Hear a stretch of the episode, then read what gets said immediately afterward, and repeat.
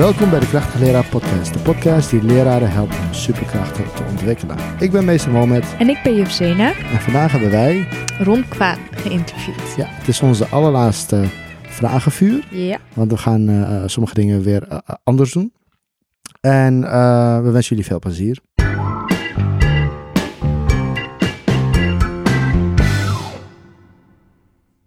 Welkom Ron. Hey, welkom. Hey, Dank je. bedankt eh, voor je uitnodiging. Ehm, zou je jezelf kunnen voorstellen en eh, vertellen wat je doet? Ja, tuurlijk. Dankjewel. Bedankt dat ik met jullie mee mag eh, doen deze mooie, eh, deze mooie sessie. Ja. En, ik ben Ron Kwade en ik werk bij een, bij een grote ROC eh, in Amsterdam. Mhm. En daar leid ik met een, met een klein gezelschap docenten, leid ik daar mensen op voor het werken in, de, in de logistiek. Ja. En eh, dat doe ik voor de sector eh, in de citylogistiek, eh, luchthaven en eh, in Amsterdam-Westpoort. Leuk. En welke niveaus eh, geef je dan les? Hoofd- en hoofdzakelijk is dat niveau 3-4. Ja. En dat is eh, logistiek teamleider. Eh, en niveau 4 is eh, logistiek supervisor. Leuk. Leuk, ja. En heb je dat altijd gedaan? Of was er hiervoor iets anders? Nou ja, ehm, ik heb dit eh, doe ik nu sinds 2015. Ja. En daarvoor gaf ik eigenlijk ook een les aan dezelfde eh, eh, eh, logistieke mensen, alleen met een ander concept. Voorheen gaven wij lessen op een traditionele manier. Hè. Je had voor de klas stond de docent en, en de studenten die zaten in de klas en die kregen frontaal les. En in 2015 zijn wij gestart ehm, met een onderzoek van wat heeft nu eigenlijk die logistiek vakman, hè, die logistiek teamleider, logistiek supervisor nu eigenlijk nodig om dus succesvol te zijn in de, de logistiek straks. Om de aansluiting op school naar de arbeidsmarkt zo klein als mogelijk te maken. Mhm. En toen hebben we dus bedacht dat we dat frontale les eigenlijk niet meer zo moeten doen. Maar veel meer ervaringsleren zouden moeten gaan inbrengen. Dus dat de student inderdaad aan de slag gaat met praktijkopdrachten waar kennis aan gekoppeld is. En dan gaat hij daarmee in een stage aan de slag. En zodoende kan hij dus beter zijn kennis eh, tot, zich, eh, tot zich nemen. En- Dus dat is een grote verandering. Ja. Top. En doen ze dat al gewoon vanaf jaar één? Eh, de eerste, het eerste moment dat ze de school binnenkomen? Ja, ja sinds het eerste jaar. Ja.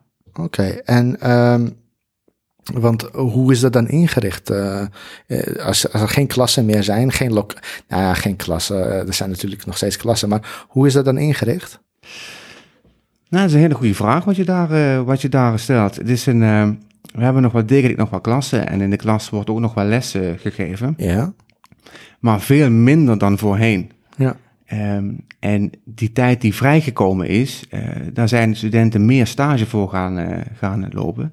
En de integratie van praktijk en theorie, die is daardoor toegenomen. Dus die student die, die gaat niet meer eh, eh, theorie studeren en een toets maken en die haalt dan een cijfer. Nee, maar die gaat de theorie bestuderen. Die gaat het toepassen door middel van opdrachten die het ROC samen met het bedrijfsleven heeft ontworpen. En gaat, die bedrijf, eh, gaat daar die opdrachten uitvoeren. En komt dan met zijn kennis die hij dan opgedaan heeft terug in de schoolbanken. En dan bespreken we dat. En kijken hoe hij dat ervaren heeft en wat hij de volgende keer anders zou kunnen doen. En zodoende proberen we dus die student dus ehm, ja, beter klaar te stomen voor eh, de arbeidsmarkt. En, eh, dit lijkt me echt gewoon een geweldig idee, eh, zoals ik het zo hoor. En, eh, want het is heel praktisch. Ja. Eh, maar dan vraag ik me af van, inderdaad, waar blijft die cijfer dan? Dat, dat- dat is even gewoon een, een eh, hoe, wordt, eh, hoe wordt er getoetst of hij, eh, natuurlijk heeft hij die opdrachten, die neemt hij mee, die maakt hij. En Of die, de doelen behaald heeft. ja, of de doelen behaald heeft. Die, ja. Ja. Ja, dat is inderdaad ook een goede, een goede vraag die, je die je daar stelt. Want kijk, een, een nieuw onderwijsconcept vraagt ook een andere manier van eh, eh, formatieve eh, toetsing. Ja. En wat we dus nu gedaan hebben, is dat die student dus eh, aan de hand van de opdrachten dus een portfolio opbouwt.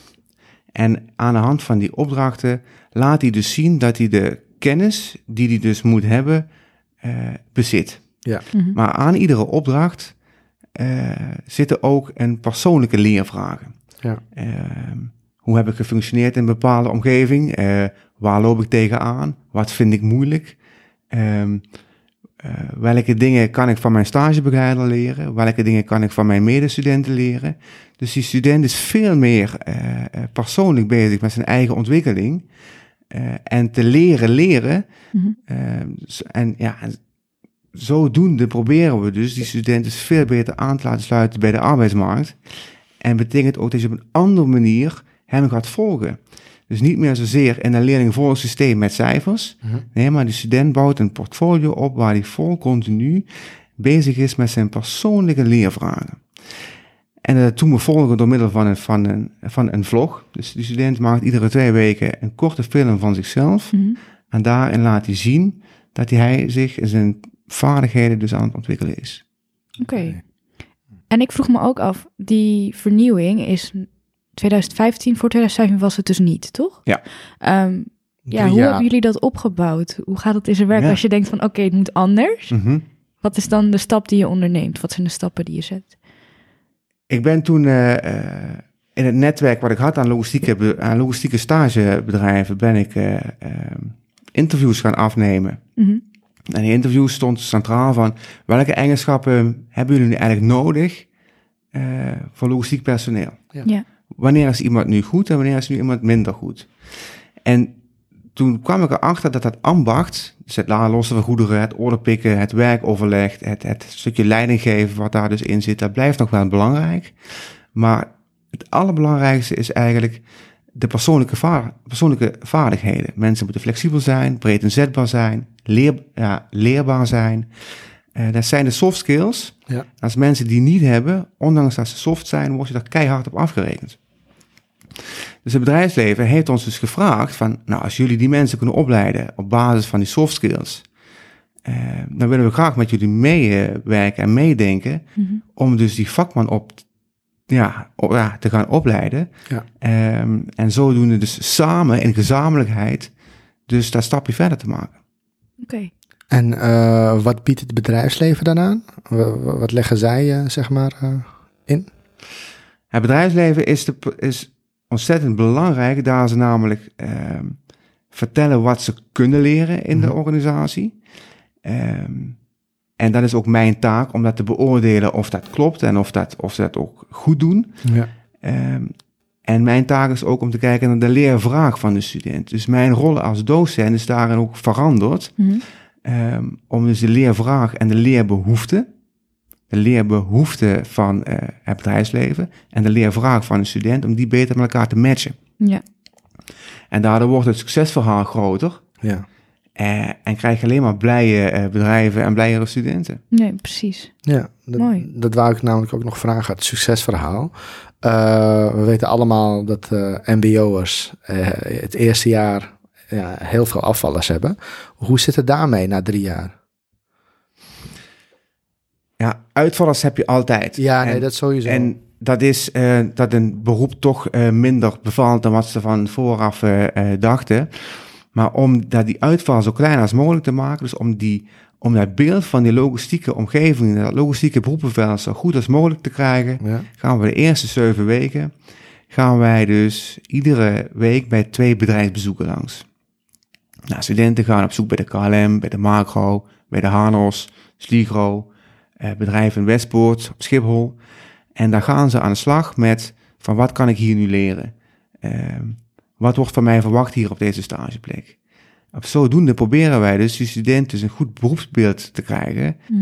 Ehm, en dat hij in die belangrijke fase, in die eerste zeven weken van zijn opleiding, dus een keuze kan maken of Ja. die opleiding dan eh, wel bij hem past, ja of nee. En, en zie je dan in die zeven weken de meeste, st- de meeste studenten stoppen met eh, de opleiding? Ah, Oké. Die fase is cruciaal. Ja. En dat is ook een belangrijke fase, want in die fase in september, Ja, eh, oktober, kunnen ze ook nog wel vaker switchen. switchen Ja. of bij een andere opleiding terecht. Na oktober is dat een stuk ingewikkelder. Ja, ja, ja, ja. En, en, en hebben jullie al misschien wat cijfers over... eh, ze- ja, want jullie zijn in 2015 begonnen. eh, dus, eh, en de opleiding duurt hoe lang? Drie of vier jaar? En de opleiding niveau 4 duurt twee jaar. Oh, Ja, want ik dacht altijd dat niveau 4, nou, om het makkelijk te houden, vier jaar duurde. Niveau 3, 3 en niveau 2, 2 jaar. Ja, dus dat denken de meesten ook. Ja, En- en- nee, dat en- is misschien een oude gedachte van, van vroeger. Nou, nou ja, het is geen oude gedachte van vroeger, maar de meeste opleidingen niveau 4 duren ook nog drie jaar. Oké. Ehm, doordat wij dit concept hebben ontwikkeld, wij, het ROC en het bedrijfsleven, eh, komen wij ook heel nauw bij elkaar. Dus we hebben het samen gedaan. Dus het commitment om met elkaar die student op te leiden, die is ook heel groot. Mhm. Doordat die student dus met middel van die praktijkopdrachten vanuit een consumerende houding in een productieve houding eh, eh, gezet wordt, kan hij zich dus simpelweg niet verstoppen. Dus die aandacht die wij dus voor die student hebben, die is veel groter dan voor 2015. En dat betekent dat je dan ook ehm, die student dus veel sneller die ontwikkeling kan laten doormaken dan wat hij in het oude systeem drie, drie jaar nodig had. Oké. Dus, eh, en, en ja, dus dan hadden jullie, eh, eh, wanneer is het? In 2017 de eerste leerlingen die eh, slaagden als leuk. Ja. En was daarvan eh het percentage heel groot? of, of ja, ik weet niet of ik, overval je nu eigenlijk Nee. om, te, om te vragen naar cijfers, maar hoe, hoe, eh, eh, hoe was dat ten opzichte van eh, de jaren daarvoor? Ehm, die cijfers heb ik niet exact eh, Nee. eh, hier bij de hand voor wat betreft de voorgaande jaren. Maar Ja. voor niveau 4 was dat 100% geslaagd. En voor niveau 3 was het 75% geslaagd. Wauw. Nou, en dat is, was wel een, dat is wel een succes. Ja. En de lichting van 2015 was ook een pilotfase om dat eh, zo te doen. Er waren toen 18, stude 18 studenten. En eh, ja, dit jaar, eh, 2019, eh, sorry, 2018 is het. Ja, 2018, 18 19. jaar is het, eh, zitten we op 100. Oh, Oké. Ja. Wauw. Ja. Ja. ja, dat is knap. Ja. Ja. Nou, nu iets anders, want je geeft natuurlijk les daar. Ehm, wat is jouw superkracht? Ehm, welke eigenschappen bezit je waar je heel trots op bent Ja. in het lesgeven? Nou, waar ik heel trots op ben is, ehm, en, en wat mijn toegevoegde waarde is in het onderwijs, Mhm. is dat ik het probleem van de student eh, niet ga oplossen. Ik denk, Hè? Ga het probleem niet, niet, op, niet op, oplossen? Nee. Wat ik doe is namelijk hem zelf te laten ontdekken van wat hij in zijn macht heeft om dat probleem van hem op te lossen. Om zijn vraag eh, te kunnen beantwoorden. Mhm. Want iedere student, ik zie een student als een soort zaadje, zeg maar. En, en de potentie die zit er gewoon in. Ja. En, en voor mij als docent zijn is het de kunst om die potentie uit het zaadje te laten komen. Want dan is het veel krachtiger dan, dan dat, ik, eh, dat ik dat voor hem ga doen. ja. Dus we moeten juist de vragen stellen. Eh, Kun je een eh, voorbeeld geven van een probleem die je niet hebt opgelost voor een student? Ja, dat kan ik. eh, dat kan ik. Moet je je voorstellen, een student die dus met dit eh, project eh, eh, voor het eerst in aanraking komt, Ja. die, die, komt gewoon in, die komt gewoon in shock. Die, is, die dacht dat hij dan eh, vier dagen in de schoolbanken zou zitten, dat hij gaat luisteren, dat hij aantekeningen maakt, sommetjes maakt en eh, zodoende zijn kennis dus eigen, eigen maakt. Maar dit programma zegt dus eigenlijk van, nee, jij moet aan de slag. Jij bent degene die zijn eigen leren moet gaan organiseren.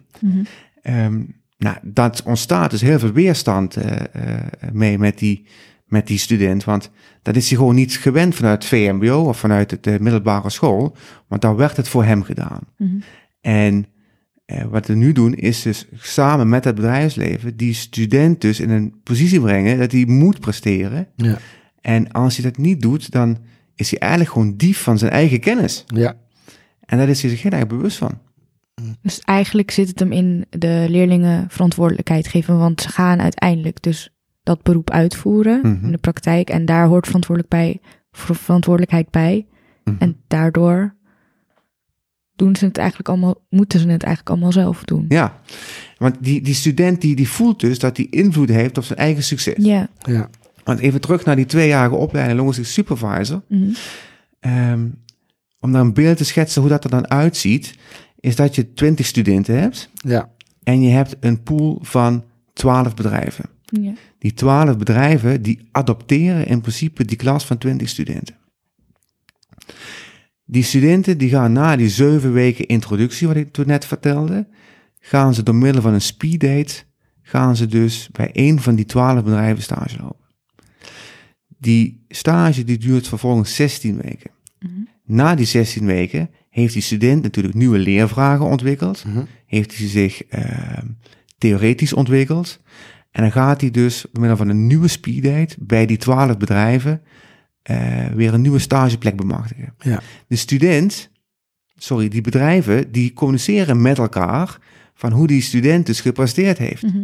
Dus hoe die student het bijvoorbeeld gedaan heeft bij bedrijf X, nou, dat weet ook bedrijf A, B, C en D. Dus die student kan zich niet verstoppen. Die weet gewoon, ik zit in de picture. Ja. En dat maakt dus dat hij dus actief wordt. Ehm, even teruggaan naar je, je, je, je superkracht. Dus dat jij eh, de leerlingen eh, hun problemen niet oplost, maar ze eh, eigenlijk eh, het zelf laat oplossen. Juist eh, de kracht geeft om eh, die zelf op te lossen. Hoe heb je dat ontwikkeld? Hoe, is dat, eh, hoe heeft dat zich ontwikkeld bij jou? Is dat iets wat je altijd eh, had? Of is dat iets wat je, waar je nu eh, de afgelopen drie jaar hebt moeten ontwikkelen? Nou, ik had het eigenlijk altijd al wel al in me. En, en wat belangrijk is als docent zijn, is om eens echt goed te luisteren naar studenten. Van wat zegt hij nu eigenlijk echt? Ehm, een voorbeeld te noemen, eh, een student die kan zeggen van, maar ja, meester, deze opdrachten kan ik niet in mijn stagebedrijf doen. En dan kan ik zeggen als student, ja, dan, dan, dan maak je andere opdrachten of dan maken ze niet, of kan ik jou misschien helpen. Ehm, om dan dat juist niet te doen, maar te zeggen van, maar, maar wat kun je dan wel doen? Ja. Of, eh, maar waarom, kom je, waarom kun je ze niet maken in jouw stagebedrijf? Of de vraag te stellen van, maar heb je dat ook aan je praktijkopleider gevraagd? Om dan iemand zelf te laten nadenken van, oké, wat kan ik er zelf aan doen? Mhm. Nou, een voorbeeld te noemen. En dan zegt hij van, nou, maar mijn eh, praktijkopleider die heeft het ontzettend druk. Nou, te zeggen, maar heb je het hem gevraagd? Nee, maar dat zie ik aan hem. Zeg, nee, dat is een aanname. Je moet met hem in gesprek gaan. Durf te vragen. Zeg, en als het dan niet lukt, dan kom ik langs en ga ik je helpen. Ja. Maar iemand eerst zelf, eh, zelf laten ontdekken dat hij dus ook invloed heeft op zijn eigen succes en leren. Ja. De volgende. Ja, een heel random vraag dit nu opeens. Maar ik- ja, de, de, de vragenlijst is random, maar dat wat maakt is, hem juist spannend. ja, precies. Wat is het grappigste dat je tijdens het lesgeven hebt meegemaakt? Ik weet niet of het, of het op het mbo net zo is als op de middelbare school of op de basisschool eigenlijk. Maar ja, dat. Is dat wel eens voorgekomen? Wat is, ja, kan je het je nog herinneren? Ja, wat is het grappigste wat ik heb meegemaakt? Ik vind het eigenlijk wel een hele goede, een hele goede vraag van je. Ja, Als, je, als je er nog over wil nadenken, kunnen we hem parkeren voor straks. Ja, zullen we dat eventjes Dat, doen? dat Ja, doen we, ja, oké, ja, oké. precies. Dan doe ik de volgende vraag wel. Ehm, oh ja, de docentenopleiding. Eh, welke opleiding heb jij eigenlijk gedaan, eh, als ik het vragen mag? Een docentenopleiding economie. Economie. Oh. Ja, eh, en wat zou je daaraan willen veranderen? Als je Oh. één ding zou kunnen veranderen. Ja. Ja, wat zou ik daar willen veranderen? Ja, dat vind ik ook wel een hele goede vraag wat je hier, eh, wat je hier stelt. Want ik, ik ben toen opgeleid door eh, een onderwijsconcept wat eigenlijk wel aansluit bij het concept wat ik nu eh, verzorg bij het ROC. En vooral die persoonlijke ontwikkeling, die was daar ontzettend sterk. Mhm. En dat ik zelf moest blijven nadenken over, jij noemde het net de, super, de superkracht, maar hoe krijg ik dingen voor elkaar? Ja. En als je dat namelijk weet, dat je bewust bent van je gedrag en je houding in een bepaalde omgeving of context, volgens mij krijg je dan al heel veel dingen voor elkaar. En dat heb ik meer gekopieerd vanuit dat concept. Ja. Ehm, ja, ik, ik, ik denk dat ik dan zou zeggen van, ehm, als je zelf filmt in de klas en Mhm. je bent dan in actie, Ja. om dat soort dingen niet alleen door één iemand te laten observeren, door jezelf en een andere docent, maar door, eh, ook nog door meerdere mensen. Eh, want die kunnen je alleen maar verrijken door dus eh, ja, door feedback te geven. En zou dat dan gaan om je klasgenoten? Of dat je het dan met je hele klas gaat bekijken? Als in je klas op de, op de lerarenopleiding? Ja, ik, nou, of, ik, of professionals? ik denk allemaal. Want ik denk dat iedere bril die er naar kijkt, op zijn manier een toegevoegde waarde heeft voor, voor de ontwikkeling van mij op dat moment. Ja. En, en dat juist de, de verscheidenheid de kracht is van de ontwikkeling. Oké. Ehm, sorry. Ehm, waarom ben je docent geworden? Ja, ik vind, ik vind het mooi dat mensen zich ontwikkelen en groeien. En om mensen eh, eh, perspectief te kunnen bieden. Ehm, ja, daarom ben ik docent geworden. En was het al iets wat je altijd wilde worden of had je eerst andere plannen? Nee, ik wilde het altijd al worden. Toen, ik, eh, toen ik 16 was, dacht ik van ja, ik, eh, ik wil naar de docentenopleiding. Ja. Toen al. Toen al, ja. Ja, Ja, 16 is wel echt heel vroeg. eh. ja. ja. Ja. maar dat is juist heel sympathiek dat je het al zo vroeg eh, Ja. wist, toch? Ja. ja. ja. En ook al docent economie. ja. Oké. Ja. En eh, is daar eh, iemand eh, eh, die je daarin inspireerde? Nou, ik had wel een goede natuurkunde docent vroeger. Mm. En, eh en dan kies je economie. economie, ja. Ja, nou daar heb ik wel een, een goed antwoord op hoor, waarom ik economie, ge- economie gekozen heb. Omdat ik namelijk ehm, vanuit de MAVO kon ik niet direct door, doorstromen naar het HBO. En toen moest ik eh, eh, een andere opleiding kiezen, of ik moest naar de HAVO toe of naar het MBO. Dus ik heb toen een MBO-opleiding gedaan. De MEAO heette dat vroeger nog. En eh, ja, dat is vrij economisch, dus dat, dat sloot gewoon goed aan eh, op een docentenopleiding economie vandaag. ja, Mm. leuk. Ja. En ehm, als je, want hoe oud was je toen je pas voor de klas stond? 23. 23, oké. En als je eh, op je, de 23-jarige Ron een tip kon geven, wat zou die tip dan zijn?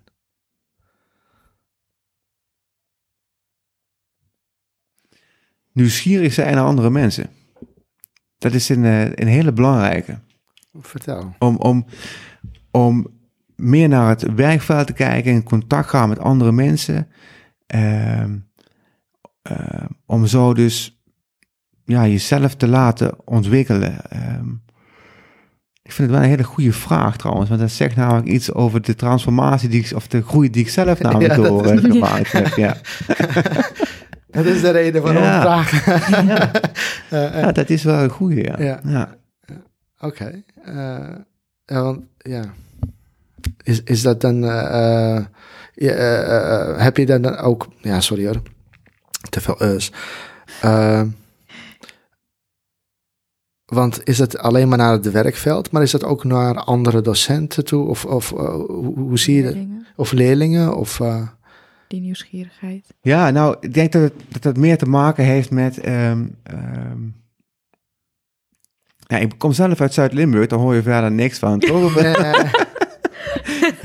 en en ehm, doordat ik in ieder geval naar Amsterdam ben eh, verhuisd, tien jaar eh, geleden, ehm, heeft mij dat een stuk nieuwsgieriger gemaakt dan eh, eh, toen ik nog in Zuid-Limburg woonde. Oké. Ik vind de diversiteit van een stad als Amsterdam, de verscheidenheid, ehm, maakt gewoon dat je nieuwsgierig moet zijn om, om, eh, om ertussen te kunnen komen. Om dus een deel uit te maken van de stad en van de mensen.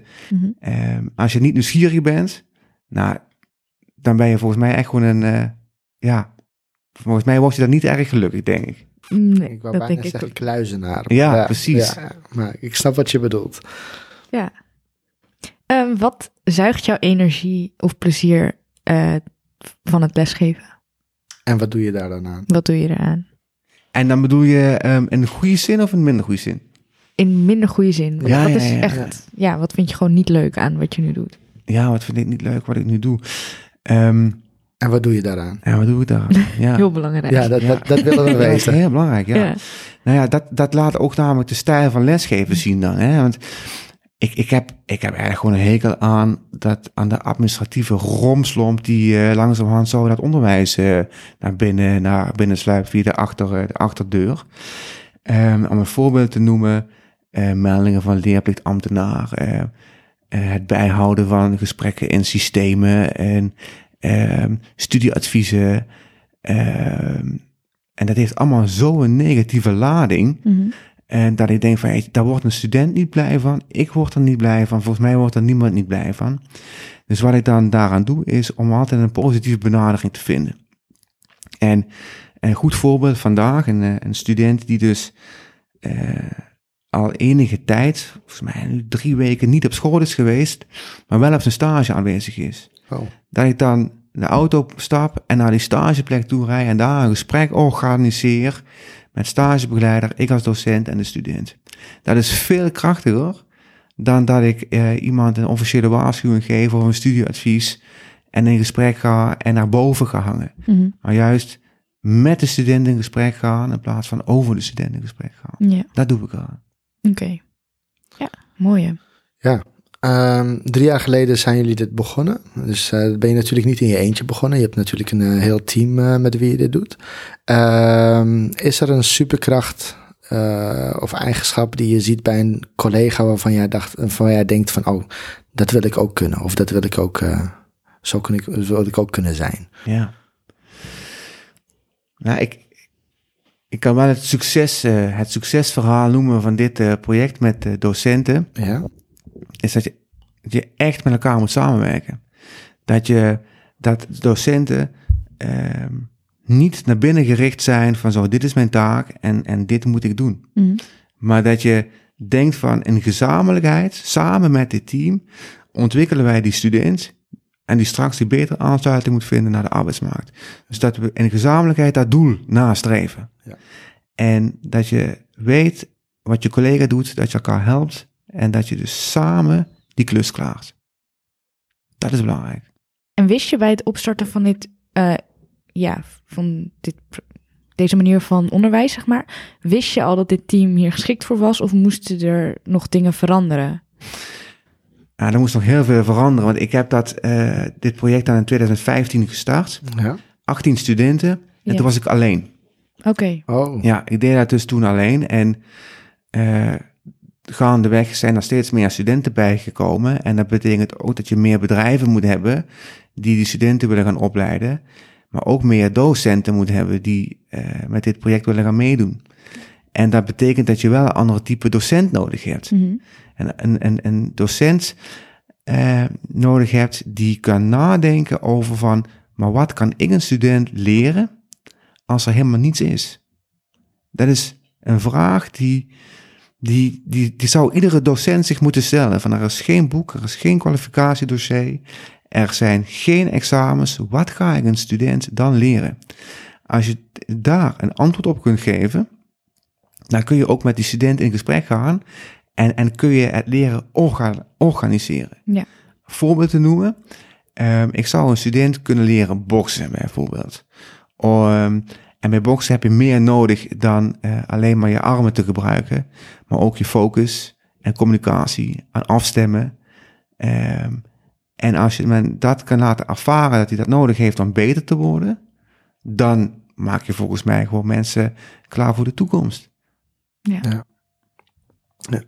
Ik, ik uh, had net even een goede vraag in mijn hoofd, maar ik ben hem vergeten. Oh, ja. hiermee te maken? ja, het had daarmee te maken. Misschien komt hij nog een keer terug. Hij komt uh, waarschijnlijk uh, nog terug, maar anders, uh, anders kom ik er gewoon zo direct nog ja. even ja. op terug. Okay. um, nou, dan nu weer iets anders. Um, zie jij jezelf tot je pensioen lesgeven? Nou, of ik mezelf tot mijn pensioen zie lesgeven, dat... uh, dat weet ik niet.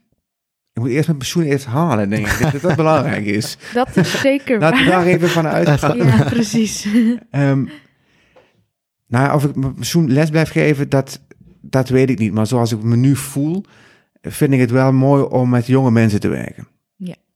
En uh, dus daar denk ik dat ik daar wel ja op kan zeggen. En welke vorm dat dan is, weet ik niet. Um, en, en waarom ik dat dan belangrijk vind, van de, ik, ik kan daar zoveel van leren van die jonge, die jonge jongens en, en, en, en dames. Um, uh, van hoe ze het met tegen problemen aan, uh, aan kijken, hoe ze zich kennis eigen maken.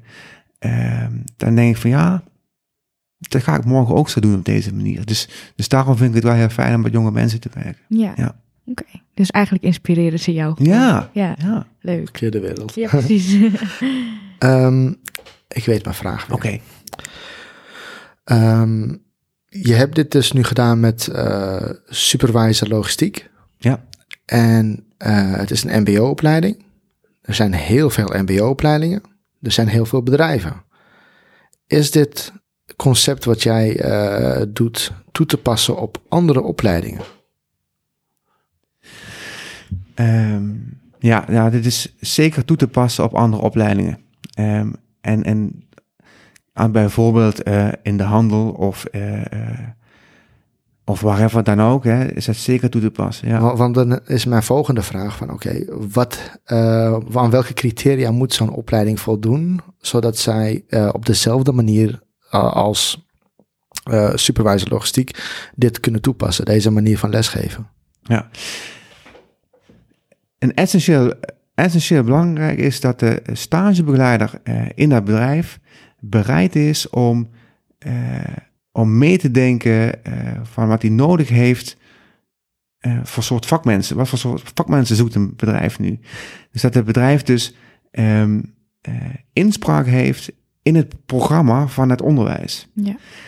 Als hij of zij dat gevoel heeft dat, eh, dat hij dus invloed heeft op het programma, de content van het onderwijs, van het, Ja. van het programma, eh, dan is ook de loyaliteit naar het programma toe Groter.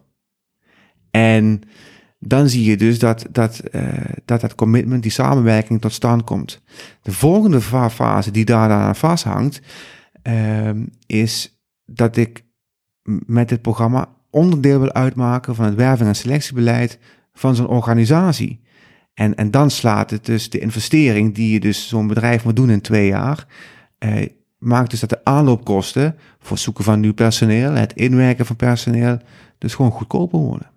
En ehm, eh, zie je dan ook dus dat heel veel eh, leerlingen die zijn geslaagd een vaste baan eh, of een baantje krijgen bij hun stageplekken? Ja, bij niveau 3 is dat wat groter.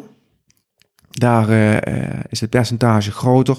De lichting van 2015 eh, eh, ging daar dus eh, eh, 100%, nou niet 100%, maar 100% trouwens van de teamleiders ging daar dus eh, eh, werken. 50% van de supervisors. Ja, en dit jaar hebben we een lichting die, daar gaat volgens mij 80% naar het, HBO. Dus dat, dat ligt er even aan. Ehm, als je een programma aanbiedt, een curriculum aanbiedt voor twee jaar, ehm, is dat ook interessant om op een hele snelle manier door te stromen eh, naar het HBO toe. Dus eh, we hebben dus eigenlijk verschillende studenten in de klas zitten. Niet dat ze alleen maar kiezen voor het, het ambacht, maar ook om op een snelle manier eigenlijk een, een, een, een niveau 4 diploma te halen, wat ze gebruiken als eh, tickets om naar het HBO te gaan. Mm. Mhm. Ja. ja. Ja, ja, dan hoeven ze de HAVO-route niet te gaan, op te gaan. Ja. Ja. Ja. Eh, wil jij de volgende doen? Eh, hoe ziet je ideale klaslokaal eruit? Beschrijf die eerst. Nou, je zijn niet heel veel in de klas. Ik, ik, wil, Dus daarom ik, is het ik een ben, lastige ik, ik ben heel benieuwd, benieuwd naar jullie Ja. klas. Ja, precies. Ja. Lokale bedoel ik. Ja, het ideale klaslokaal ziet eruit ehm, in, een, in een omgeving waar we wat kunnen doen. Ja. En ehm, dat ideale klaslokaal ziet er voor mij eigenlijk iedere keer anders uit. De ene keer zou dat een keuken kunnen zijn, de andere keer zou dat een sporthal kunnen zijn, of eh, eh, een mooie wandelroute, Mhm. of een, een, eh, een bedrijfsbezoek. En maar wat ik hiermee wil zeggen is van dat we in bepaalde omgevingen, bijvoorbeeld een keuken, heb je bepaalde vaardigheden nodig om het te kunnen laten slagen. En eh, die student die kan daar vaardigheden ontwikkelen. En die vaardigheden die hij daar nodig heeft, nou, eh, accuraat werken bijvoorbeeld, flexibel zijn, een gerecht kunnen lezen, focus te kunnen hebben, dat het niet overkookt, dat het alles allemaal lukt. Als hij dat ervaren heeft, dan kan hij dat ook in andere omgevingen toepassen. Ja. Bijvoorbeeld eh, tijdens zijn rijlessen, dat hij dan zegt van, oh shit, nee, ik moet me focussen. Nee, vorige keer had ik dat ook in de keuken, dus is het mislukt. En dat hij zo dus zich veel bewuster wordt van zijn eigen houding en gedrag. Nou, volgens mij is dat de manier van leren. Ja, dat is een hele mooie. Mhm. Ehm, ik weet niet of je dit eh, wel eens meemaakt eh, nu met eh, deze nieuwe manier van lesgeven. Eh, maar wat doe je wanneer een leerling het bloed onder je nagels eh, haalt? Weet ik niet of dat is hoor. Ja, ze zijn natuurlijk anders gemotiveerd dan Ja. op Ja, een middelbare ja, ja. school. Gebeurt het nog wel? Of, of eh, eh, ja, laat ik eerst beginnen met gebeurt, Gebeurt het wel? Gebeurt Ja, het? nee. Ehm, wat is het bloed onder de nagels uithalen? Ja. dat is natuurlijk ook een. Dat jij geraakt wordt eigenlijk, ja. En wat En wat- kan mij raken? Het kan, me wel, het kan mij wel irriteren ja. ehm, als ik een student eh, niet in, in een groeimodus krijg of zo. Weet je, dat die dat je denkt van, jezus kerel, kom op. eh, zet je beste beentje voort en eh, wat kan ik nog voor jou doen om, Ja. om, om jou die opleiding te laten halen. En, maar het, het heeft gewoon geen zin. Als die student eh, niet door de externe factoren die we allemaal organiseren gemotiveerd wordt, Ja. heb ik het niet eens over de intrinsieke motivatie, maar door de externe factoren niet gemotiveerd wordt, Ehm, ja, dan kan, me dat, kan me dat echt wel ergeren, zeg maar. En wat ik geleerd heb, is van het gras groeit niet harder als je eraan trekt gewoon. Dus je kunt, je kunt er wel aan trekken en duwen, maar het gaat niet lukken. Nee. Maar, hè, dus dat paard, hè, dan kun je zo trekken en duwen wat je wilt, dat gaat niet lopen. Wat je het wel kunt doen, is dorstig maken. En dat het verlangt naar, eh, naar meer. En, en dat is de kunst van eh, goed onderwijs, om het dus daar te organiseren dat die studenten in actie komt. En dat is eigenlijk wat jullie nu al doen. Ja, dat Ja. doen we nu. Ja. Ja. ja. En u had het, je had het net al over je eh, natuurkundedocent, dat hij een positieve indruk op je heeft achtergelaten. Wat deed deze docent precies eh, om deze indruk achter te laten bij jou? Ja, wat hij, wat hij heel goed kon, dat was contact maken. Ja. Je, contact met je, met je studenten, contact met je leerlingen, eh, dat is gewoon zo belangrijk. Dat je weet wat in de studenten omgaat, wat ze nodig hebben, wat hun, wat hun vragen zijn. En, en dat als je goed contact hebt met elkaar, dan heb je aandacht. En, en aandacht, ehm, dat kan juist mensen verder helpen. Dus hij zat heel erg op die relatie. Ja, heel eh, erg op de relatie, ja. Ja, Ja, relatie gaat voor prestatie, zeg ik altijd. Ja. Dat ja, is eh, mooi. absoluut belangrijk. Ja, Ja. ja, ja. Ehm, waar zou je nog in willen groeien en waarom? Of is er nog iets? Ja, vast wel. Waar je Ja. Altijd? Altijd. ruimte Altijd voor groei. Ja. Ja, ja. Ehm, ja, dat is. ehm, ik denk wel, misschien af en toe ben ik wel wat ongeduldig, denk ik. Dat is wel, eh, dat zou wel eens een ding kunnen zijn. Dat ik eh, te snel wil voor, ehm, eh, te snel door eh, het programma heen wil. Of Mhm. dat ik niet, dat ik te weinig check of de studenten wel, eh, wel aanhaken. Ja. Ehm, en daar heb ik eigenlijk al heel mijn leven lang last van. Dus of ik het überhaupt nog ga leren, dat, eh, dat, maar ben, dat weet ik niet, maar ik ben, ben me er wel bewust van. Ja, Ja. stap één. En, ehm, en, ieder, en ieder jaar weer moet ik weer denken van, oké, wacht even, rond, ga ik niet te snel? Eh, moet ik even checken van eh, waar de student zit, op welk niveau zit hij nu? Eh, maar ja, het al weten is, eh, is er al handelen. Dus eh, Ja. ja. laten, we het morgen, laten we het morgen weer beter doen. Ja. Nou, ehm, Welke wil je nu gaan doen? Welke leeftijd? Ja, die. die Nou, weet ik niet. Misschien wel. Oké, ik zeg oké. Oké, ja, we kunnen hem altijd nog uitknippen. Ja, oké, oké, oké, oké, oké, is goed. Ik wilde vragen. Je vindt dus werken met jongeren heel inspirerend. Nu werk je natuurlijk op een MBO. Alleen is er misschien ook een andere leeftijd die je, ja, die je sympathiek lijkt, die je aanspreekt? Of is het echt deze doelgroep waaraan je les wil blijven geven? Nou, we, ik, heb, ik heb ook nog een andere, een andere klas. Mhm. Dat is een, eh, een klas bij een, eh, eh, een grote bloemenveiling in, in Nederland. En die zijn allemaal, dat zijn volwassen mannen van, van eh 30 plus, en tussen de 30 en de 55. Ah, En dat is een groep die hebben we op donderdag, donderdagochtend. Ja. En een collega van mij heeft die nu op woensdagavond.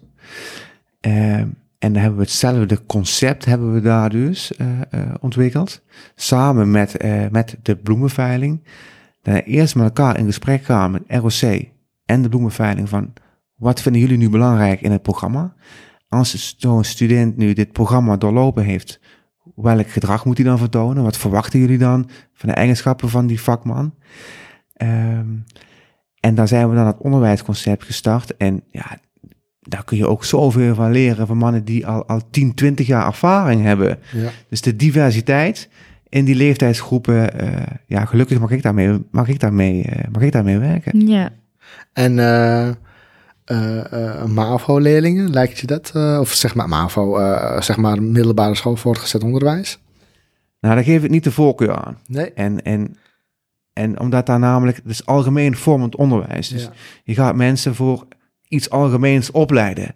ja. En het mooie is aan het mbo-onderwijs, is dat daar ook een beroepscontext aan gekoppeld is. Ja. En bij het hbo is dat ook. Ja. Ehm, als ik dan zou moeten kiezen tussen het mbo en het hbo, eh, dan kies ik ook bewust voor het mbo, omdat daar namelijk een pedagogische kant aan zit. ja. Die is op het hbo helemaal niet. En, en, en bij, het, eh, ja, bij het mbo wel.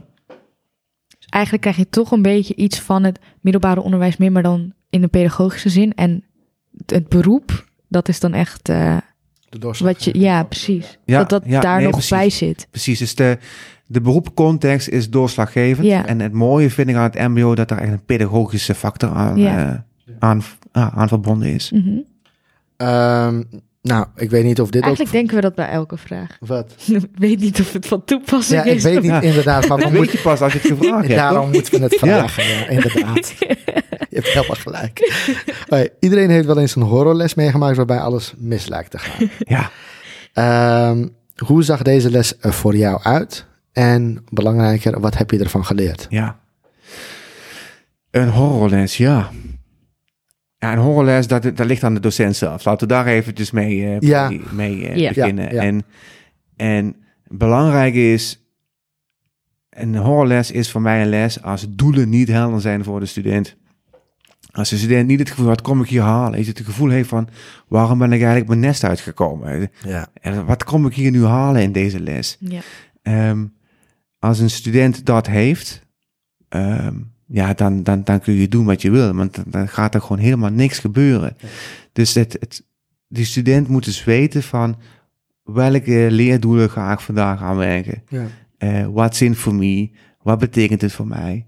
Als het dus betekenisvol is, ehm, dan, eh, dan zijn die horrorlessen gewoon eh, geëlimineerd, zeg maar. Ja. Ehm, de volgende sla ik wel echt over, want die is echt niet van toepassing. Oudergesprekken, dat, eh dat Hebben volgens mij niet. He- hebben jullie die? Jawel, ja, ja. Oh, echt? Want daarom is, die, oh! kijk, daarom is die pedagogische factor in het mbo-onderwijs zo belangrijk. Ah, nou, Want we hebben te maken met 16, 17-jarige studenten Ja, die dus eh, nog leerplichtig zijn. ja, Na hun 18e tot hun 18e en hun 23e zijn ze nog kwalificatieplichtig. Dus je hebt dus in eh, Nederland een kwalificatieplicht. En dat betekent dat je tot je 23e minimaal een mbo niveau 2 diploma moet hebben of de HAVO. Dus zo lang word je ook gevolgd door eh, leerplichtambtenaren en de gemeente. ja. Dat gedeelte wist Dat ik wisten wij niet, nee.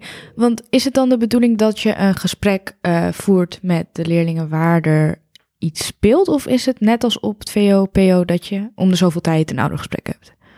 Hoe zit dat in elkaar?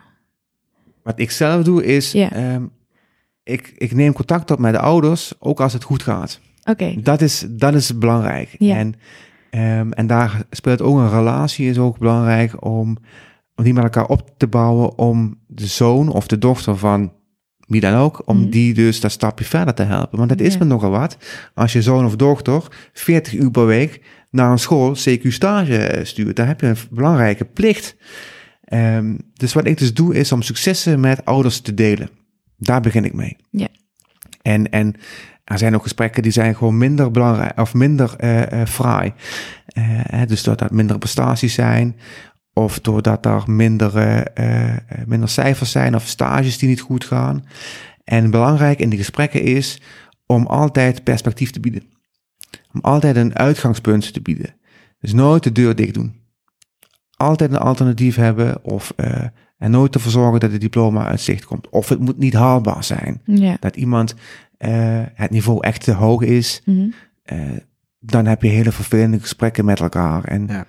eh, helaas moet ik die ook voeren. Ja. ja. Maar gelukkig heel weinig. Heel weinig. En eigenlijk is de kern eh, van, zeg maar, de tip die we hieruit kunnen halen, dat delen van successen in oudergesprekken ook heel eh, goed werkt. Ook voor het opbouwen van de relatie. Ja.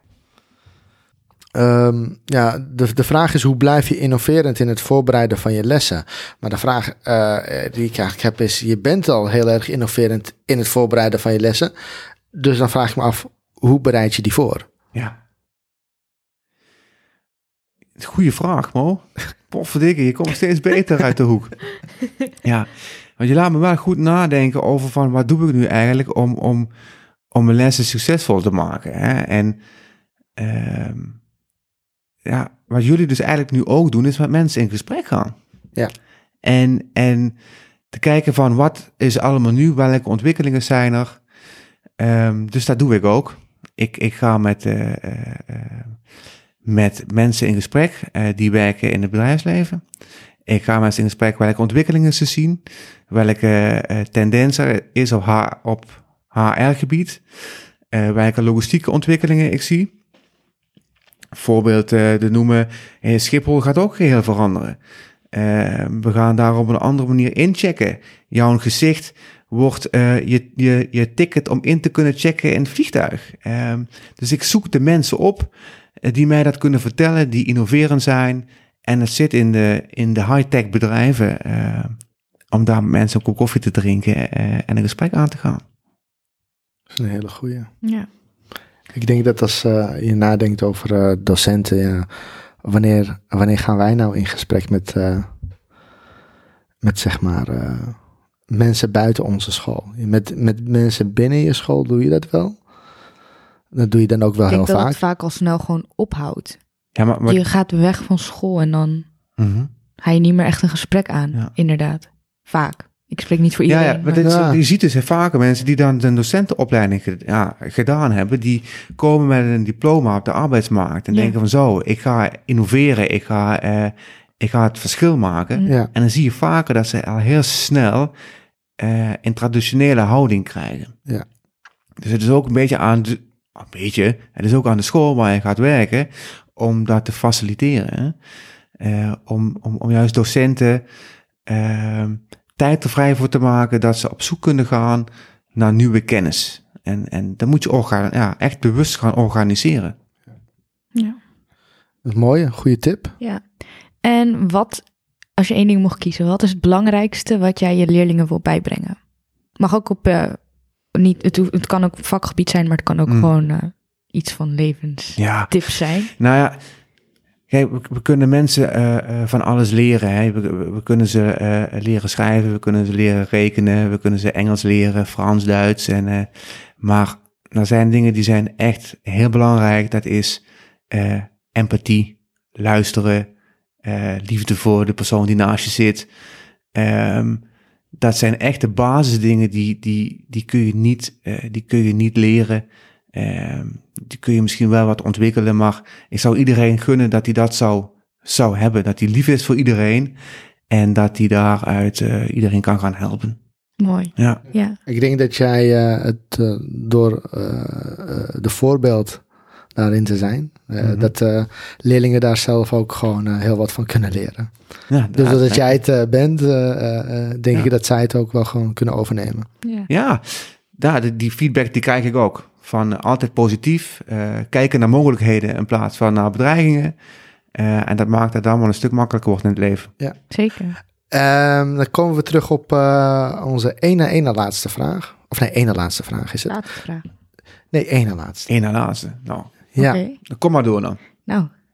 Heb je nog een grappig verhaaltje voor ons? Oh ja. Een grappig verhaaltje. Ja, er zijn heel eh, veel na, we hadden hem geparkeerd. We hadden hem geparkeerd. Oké. Maar we kunnen dit, ook deze kunnen we gewoon eruit knippen. Maar Een grappig verhaaltje. he- heb je nog, eh, heb je nog een idee over iets eh, eh, wa- wat heel grappig is wat gebeurd is tijdens je les? Nee. Ja, en, als je het niet hebt, is dat ook niet erg. Dan gaan we Nee, nee, nee, dan moet ik echt eventjes, eh, Ja. echt eventjes skippen. Mooi. Ja, nou jammer. Nou, Ja. dan gaan we naar de laatste vraag. Moet ik die doen? Ja, die doe ik. Die toch? doe jij. Oké.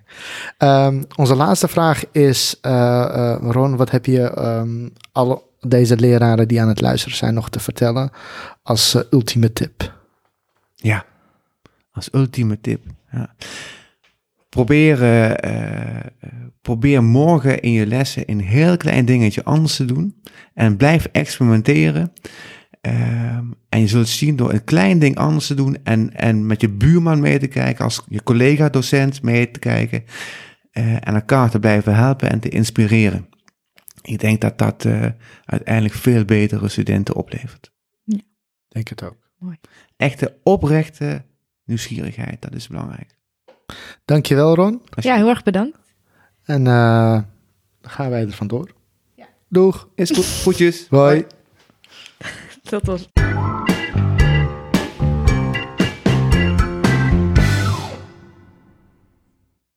Welkom terug. We hopen dat jullie hebben genoten van het interview. Ja. Ehm, wij in ieder geval wel. We vonden het echt een hele interessante interview. Ook vooral wat hij, eh, wat hij deed op, eh, op zijn school. Hij was heel vernieuwend bezig. Ehm, Als jullie meer informatie over Ron willen eh, hebben eh, en contact met hem willen opnemen, kan dat natuurlijk via LinkedIn. LinkedIn. En Ja, eh, zijn website staat in de show notes. Ja, die hebben we ook allemaal gelinkt in de show notes. Dus alle informatie staat in de show notes. We hebben volgende week, of nou niet volgende week, de volgende, Volgende aflevering. volgende aflevering podcast, die gaat over een, is een interview met een oud leerling van mij. Ja. Ja, die wil misschien gaan. Ja. Dat is best wel interessant. En eh, daarna gaan we een aantal dingen een beetje anders doen.